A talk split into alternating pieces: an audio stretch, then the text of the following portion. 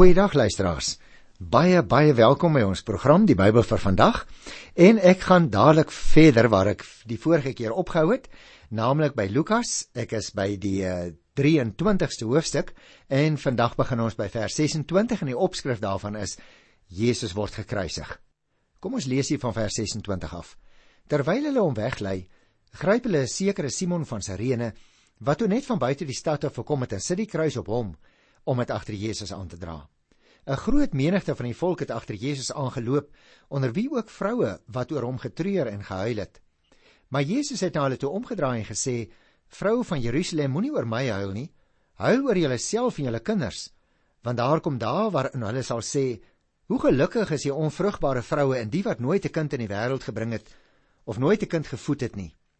Dan sal hulle vir die berge sê: Val op ons en vir die heuwels bedek ons. As hulle dit met die groenhout doen, wat sal dan met die droëhout gebeur? Nou broers en susters, hier begin, begin dan eintlik ook een van die grootste dramas waar die Here Jesus nou op pad is na Golgotha toe.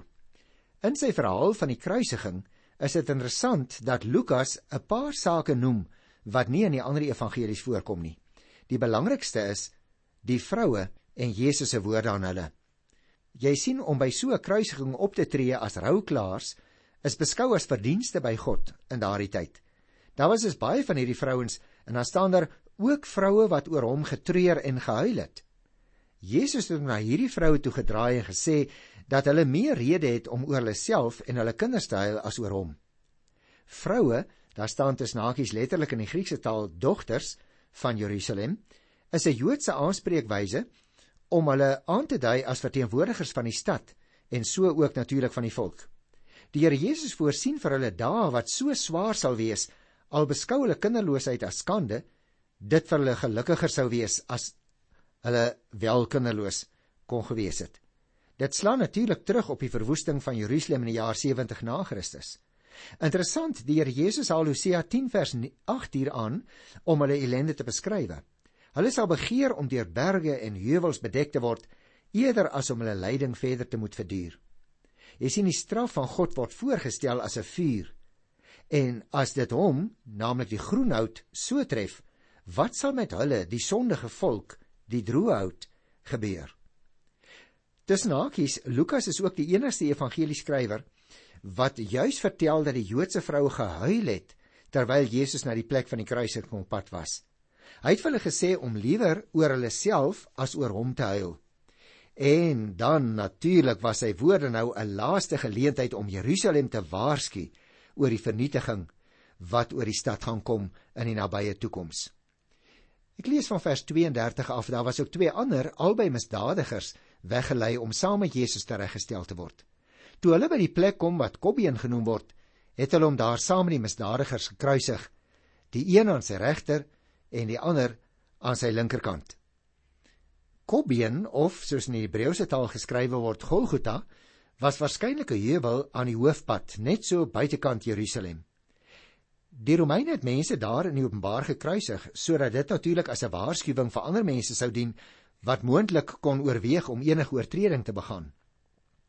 Toe Jakobus en Johannes Jesus destyds gevra het of hulle die ereplekke langs hom in die koninkryk kon kry, het hy gesê hulle weet nie regtig wat hulle vra nie.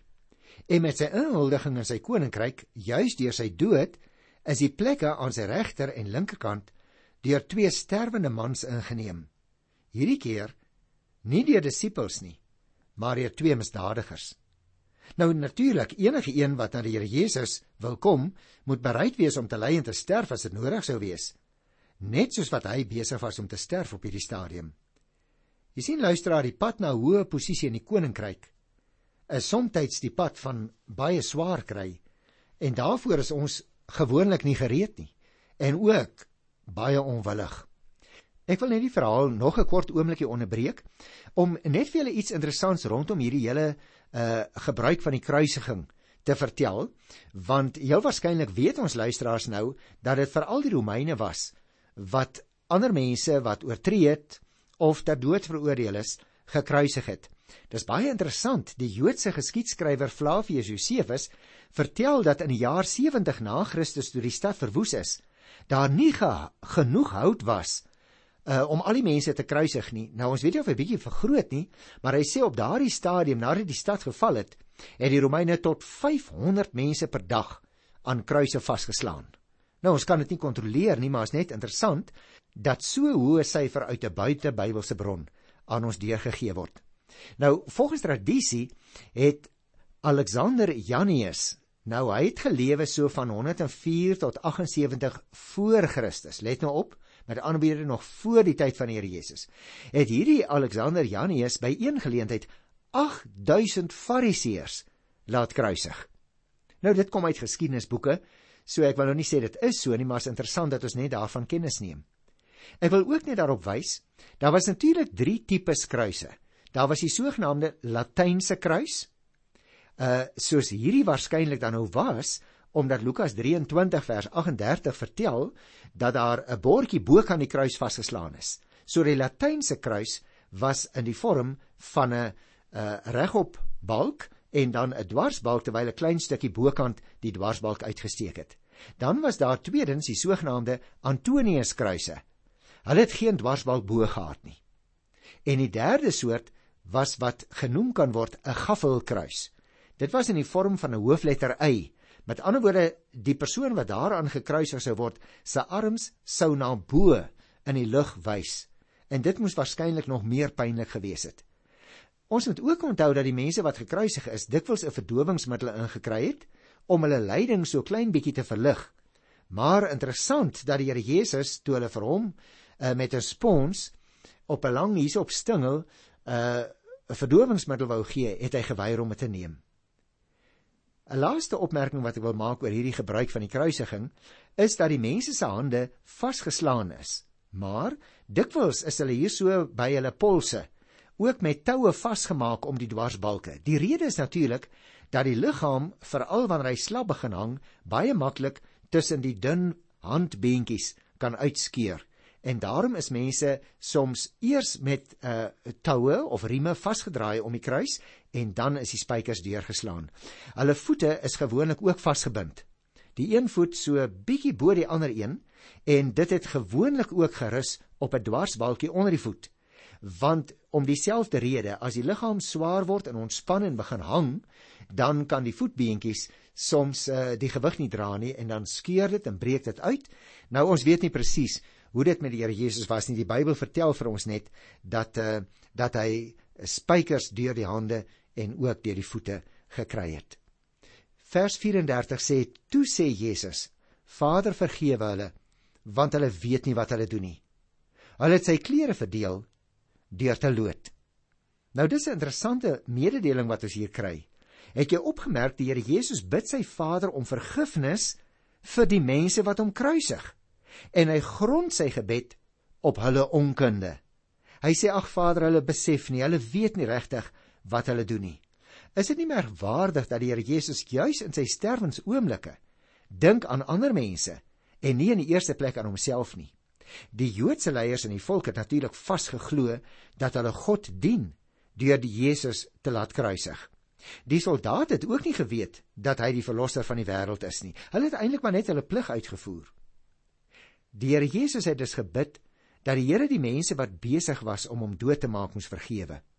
En luisteraars, wie jy as ek daarna luister en ek lees dit in die woord van die Here, dan beklemtoon die Here Jesus se vergifnis vir sy teenstanders selfs in die bitterste oomblik van sy lewe. Die Here het gekom dat mense vergewe kan word en hy het daardie taak van hom ook in hierdie oomblikke nie vergeet nie. Die reaksie van die Romeinse offisier wat ons nou nog gaan kry, wat gesê het hierdie man was werklik onskuldig, daar in vers 47, het die verteller moontlik gekies om aan sy lesers juis te sê dat mense wel positief begin reageer het op die Here Jesus se onskuldige dood. Maar binnekort, binnekort sou talle priesters hulle ook tot die Christelike geloof begin bekeer. Jy vra, hoe weet ek dit? Gaan lees gerus in Handelinge 6 vers 7 dan sien jy dit sien. Luisteraars, ons is maar almal sondaars hoor en daarom het ons almal skuld aan die Here Jesus se dood. Die goeie nuus is egter dat God genadig is, dat hy ons wil en sal vergewe deur sy seun wat vir ons die nuwe lewe moontlik gemaak het. Dit was natuurlik gebruiklik dat Romeinse soldate die gekruisigde misdadigers se klere onder mekaar verdeel het. En dit is hoekom daarna verwys word hier in vers 34. Die feit ook dat hulle die Here Jesus se klere verdeel het en daaroor loetjies getrek het, kan dan gesien word as 'n vervulling van Psalm 22 vers 19 waar ons ook so 'n voorsegging in die Bybel kry. En ek dink die mense het dit nie besef op daardie oomblik nie vir ons wat daarna terugkyk in die geskiedenis en wat Ou en Nuwe Testament ken, ons kan dit nogal baie maklik opmerk. Nou kom ons lees van vers 35 af tot by 43. Die volke daar gestaan en kyk. Hulle raadslede het Jesus ook uitgelag en gesê: "Ander het hy gered. Laat hy homself red as hy die Christus is wat deur God uitverkies is." Ook die soldate het vorentoe gekom en hom bespot. Hulle het vir hom suurwyn aangebied en gesê: "As jy die koning van die Jode is, red jouself." Daar was ook 'n opskrif bokant hom. Dit is die koning van die Jode. Wat vir ons dis nakies dan 'n duidelike bewys is dat dit 'n latynse kruis is waaraan die Here Jesus gekruisig is. Een van die misdadigers wat daar gehang het, het Jesus gelaster deur te sê: "Is jy dan nie die Christus nie? Red jouself en ons ook." Maar die ander een het hom tereggewys en gesê: "Is jy nie bang vir God nie? Jy ondergaan tog dieselfde straf as hierdie man. In ons geval is dit regverdig, want ons ontvang die verdiende straf vir ons dade." Maar hierdie man het niks verkeerd gedoen nie. Verder sê hy: Jesus, dink aan my wanneer u in die koninkryk kom. En nou die merkwaardige woorde in Lukas 23 vers 43. Jesus antwoord hom: Ek verseker jou, vandag sal jy saam met my in die paradys wees. Luisteraars, ek wil net hier 'n enkele opmerking oor maak voor ek weer na die perikoop kyk. Daar is mense in ons tyd wat sê mens moet hier eintlik 'n kommaatjie insit en dan sou hierdie sin so lees. Ek sê vir jou vandag, jy sal saam met my in die paradys wees.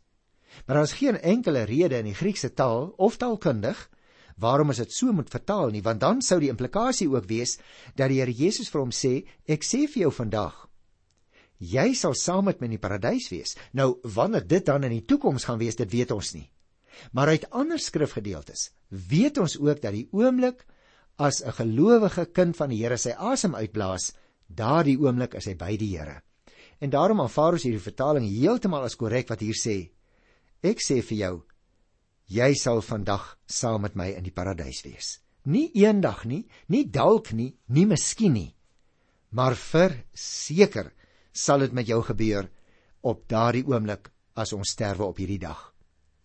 Baie interessant. Ek wil nog graag 'n paar opmerkings hieroor maak want dit is vir ons baie baie belangrike inligting wat ons hier kry. Lukas se weergawe van die gesindheid van die twee misdadigers weerspieël naamlik iets van die betekenis van die Here Jesus se kruis. Jy sien dit bring skeiding tussen twee mense in die krisis oomblikke van hulle lewe.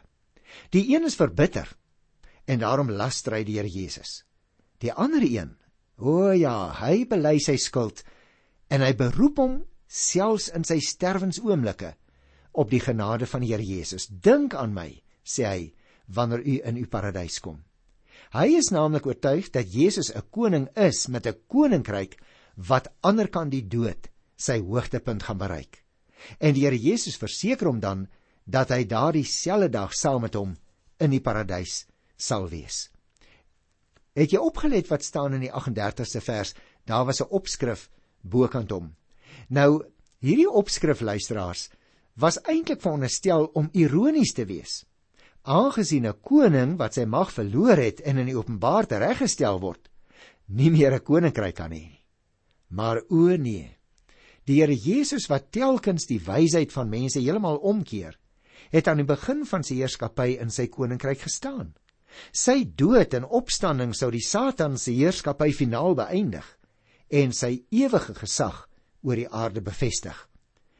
Min mense wat daardie middag die woorde bo kan die Here Jesus se kruis gelees het, het seker besef dat dit die absolute waarheid is wat daar staan. Jy sien deur hierdie daad het die Here Jesus sy ware koningskap bevestig, nie alleen oor die Jode nie, maar oor die hele wêreld.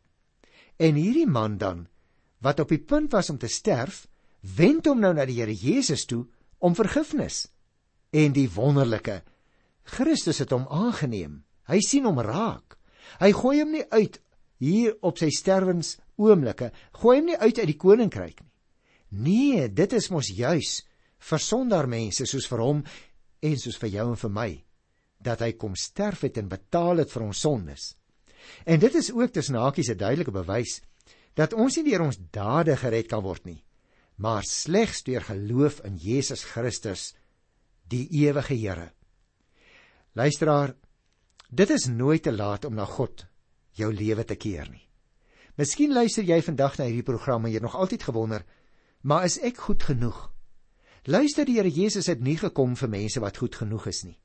Hy het juis gekom vir mense wat besef hulle sondaars en wat hulle dan tot hom wend. Selfs al is dit in hulle laaste oomblikke. En die Here Jesus het nou selfs te midde van sy eie ellende genade betoon aan hierdie misdadiger wat in hierdie oomblik besluit om in hom te glo. Jy sien ons lewens is net soveel meer betekenisvol as ons vroeg reeds ons lewe na God rig. Ons tot hom bekeer. Maar selfs diegene wat op die laaste oomblik berou kry en hulle sondes voor God bely, sal saam met hom in die koninkryk wees. En dis 'n baie baie belangrike saak luisteraar, want dit beteken dat ons almal dieselfde posisie of status as jy wil in die hemel gaan hê. Dit maak nie saak hoe lank jy Christen is nie. Jou toegang tot die koninkryk berus nie op die lengte van jou Christelike lewe nie. Berus ook nie op jou goeie werke nie. Jou toegang berus net op een grond. En dit is op die soenverdienste van Jesus Christus aan die kruishout op Golgotha. Daarom ontvang ons almal dieselfde saligheid. Die sterwende misdadiger tussen hakies se geloof lyk dit vir my was groter as die geloof van al die disippels saam. Hulle het Jesus nog steeds liefgehad, maar hulle hoop en hulle verwagtinge rondom sy koninkryk was nou verpletter, want dit was 'n valse hoop wat hulle gehad het. Die meeste van hulle het weggekruip. Een van hulle sou 2 dae later sê: "Ons het so gehoop dat dit hy is wat Israel sou verlos." Gaan lees maar Hoofstuk 24 by vers 21 dan sal jy dit sien. In teenstelling met hulle gebrekkige geloof en hulle verkeerde verwagtinge, het hierdie misdadiger na die sterwende man langs hom gekyk en gesê: "Dink aan my wanneer u in die koninkryk kom." Jy sien die misdadiger was intens bewus van sy eie skuld, maar ook van Jesus se onskuld. En hy aanvaar dat Jesus se lot anders as sy eie sal wees en daarom beroep hy hom op die genade van Jesus se kant af. Die verwysing na die koninkryk moet natuurlik verstaan word in die lig van die kruisopskrif. Dit is die koning van die Jode daar in vers 38. Jy sien hierdie misdadiger het Jesus se koningskap waarmee Pilatus se kruisopskrif eintlik wou spot, ernstig geneem en hy het geglo op grond van wat daar geskrywe gestaan het. En daardeur word die ironie in die opskrif van die kruis net nog meer ironies. Is dit nie waar nie? 'n Mens staan eintlik verstom oor die geloof van hierdie man wat met diepe insig by die skande van die oomblik verbykyk en die komende heerlikheid alreeds in sig het. En daarom luisteraars, het ek deur die ander evangelies behandel het op hierdie punt ook vir julle daaraan herinner. Hoewel die kruisdood van die Here Jesus verskriklik was, praat ons nie daarvan as donker Vrydag nie. Maar ons praat daarvan as goeie Vrydag omdat die Here Jesus vir ons betaal het aan die kruis.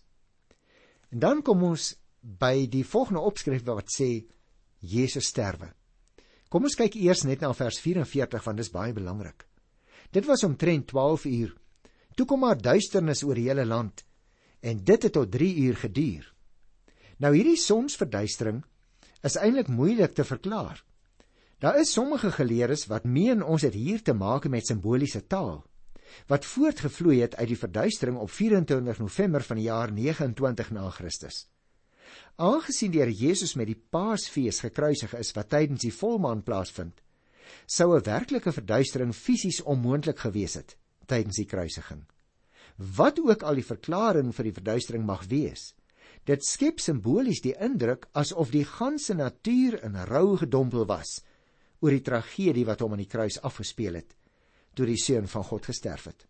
En daarom luisteraars is daar geen rede hoekom jy en ek nie hoef te aanvaar dit was 'n werklike sonsverduistering nie. Wat juis deur die Vader gereël is in daardie oomblik, daardie donker oomblik toe sy seun gesterf het. Vers 45 voeg nog iets by. Die son het opgehou om te skyn. Die voorhangsel in die tempel het middeldeur geskeur. Jy sien, hierdie betekenisvolle gebeurtenis is simbolies van Christus se werk aan die kruis. Die tempel het uit 3 dele bestaan, jy sal dit nog onthou. Die voorhoewe waarin almal kon gaan. Dan die heilige gedeelte waar slegs die priesters kon ingaan en dan die derde, die allerheiligste, waar slegs die hoë priester een keer per jaar kon ingaan om boete te doen vir die sondes van die hele volk.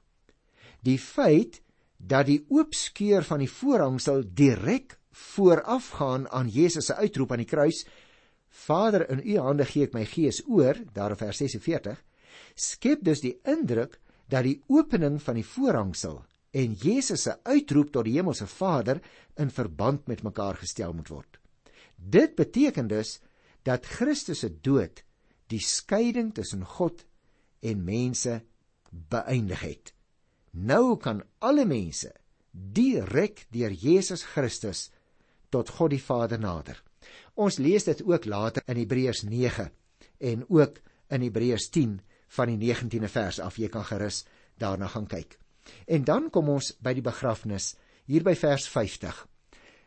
Daar was 'n man met die naam Josef, afkomstig van 'n Joodse dorpie Arimatea. Hy was 'n goeie en opregte man en het die koms van die koninkryk van God verwag. Hoewel hy lid van die Joodse Raad was, het hy nie met hulle besluit en optrede saamgestem nie. Hierdie man het na Pilatus toe gegaan en die liggaam van Jesus gevra. Is dit nie ongelooflik wonderlik nie luisteraars?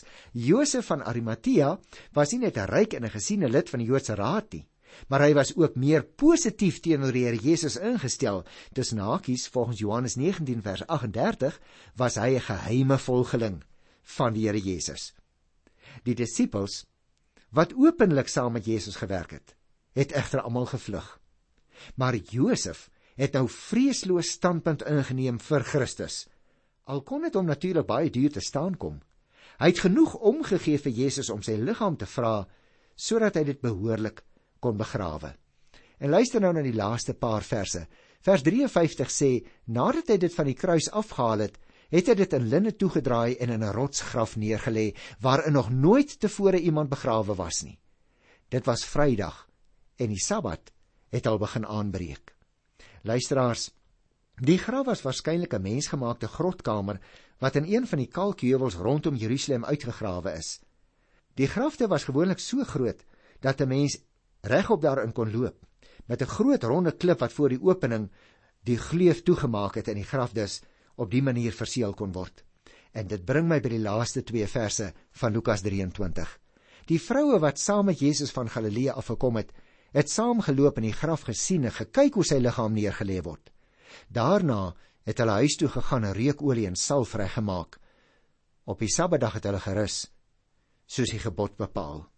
Nou hierdie Galileese vroue het Josef na die graf gevolg sodat hulle presies kon weet waar Jesus begrawe was, want hulle wou na die Sabbat met hulle kruie en hulle olies daarin terugkeer. Vroue se sosiale status in daai tyd het natuurlik nie toegelaat om vir die Joodse raad of die Romeinse goewerneur op te staan en te getuig nie. Dit wat hulle egter kon doen, het hulle gedoen. Hulle het by die kruis gebly toe die meeste disippels weggevlug het en hulle wou sy liggaam na die Sabbat gaan balsem. Hulle toewyding het tot gevolg gehad dat hulle ook die eerste was om na die tyd van die Here Jesus se opstanding te hoor. En daarmee luisteraars is ons nou aan die einde van die sewende hoofdeel wat gehandel het oor die lydensverhaal van die Here Jesus. En in ons volgende verhaal kom ons dan by die heel laaste stukkie, die 8ste sogenaamde hoofdeel wat die opstandingsverhaal vertel. Lees dit so lank, bid daaroor en as die Here my spaar, gesels ons volgende keer oor die opstanding wat aangebreek het. Tot dan groet ek jou in die wonderlike wonderlike naam van die lydende Here aan die kruishout op Golgotha. Tot dan. Totsiens.